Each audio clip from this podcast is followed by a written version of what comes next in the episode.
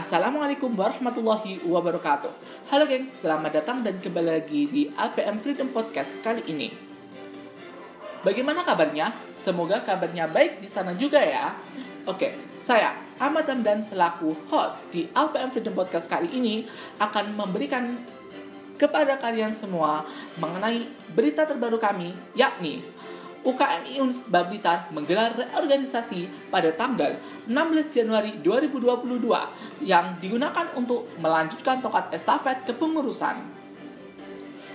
Untuk melanjutkan tokat estafet kepengurusan UKMI Nurul Mujahid Universitas Islam Blitar Blitar menyelenggarakan kegiatan reorganisasi kepengurusan UKMI Nurul Mujahid pada masa bakti 2021-2022 yang diselenggarakan pada Minggu 16 Januari 2022 yang bertempat di Auditorium Makam Bung Karno. Kegiatan ini resmi dilaksanakan pada pukul 7.30 waktu Indonesia Barat dan menyusung tema membangun regenerasi pemegang tongkat estafet pergerakan pemuda-pemudi Islam Universitas Islam Balitar. Adapun kegiatan tersebut dihadiri oleh pengurus UKMI Nurul Mujahid dan anggota alumni UKMI Nurul Mujahid 2019 serta perwakilan dari BEM mahasiswa dan Dewan Perwakilan Mahasiswa. Kegiatan reorganisasi di UKMI Nurul Mujahid ini hampir sama seperti kegiatan reorganisasi di UKM dan organisasi lainnya di Unisba. Pastinya ada proses sidang ADART setelah disusul dengan sidang pemilihan ketua. Pemilihan ketua baru dilakukan dengan cara sidang pemilihan ketua bersama calon yang sudah ditentukan pada saat rapat pengurus UKMI, yaitu Ananda Rizky dan Ahmad Ridho Amrullah. Kedua calon ketua menyajikan visi dan misinya kepada peserta dan pengurus. Lalu dilanjutkan voting dari pengurus dan peserta yang memilih hak suara dan dari voting tersebut yang mendapat suara terbanyak ternyata ada Ahmad Ridho Amrullah.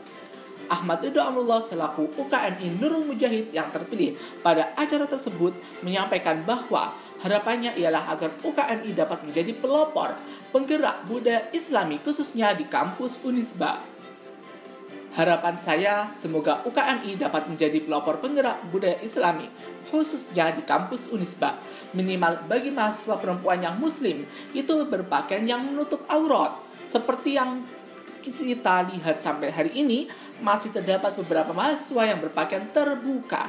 Padahal kampus kita itu kampus Islam, ujarnya.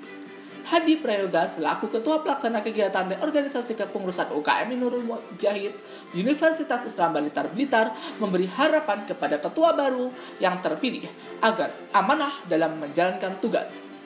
Harapannya untuk ketua baru, semoga amanah dalam menjalankan tugas dan semoga bisa mengayomi semua anggota yang ada di UKMI dan bisa membawa nama baik Universitas Islam Blitar Blitar khususnya dalam bidang keagamaan.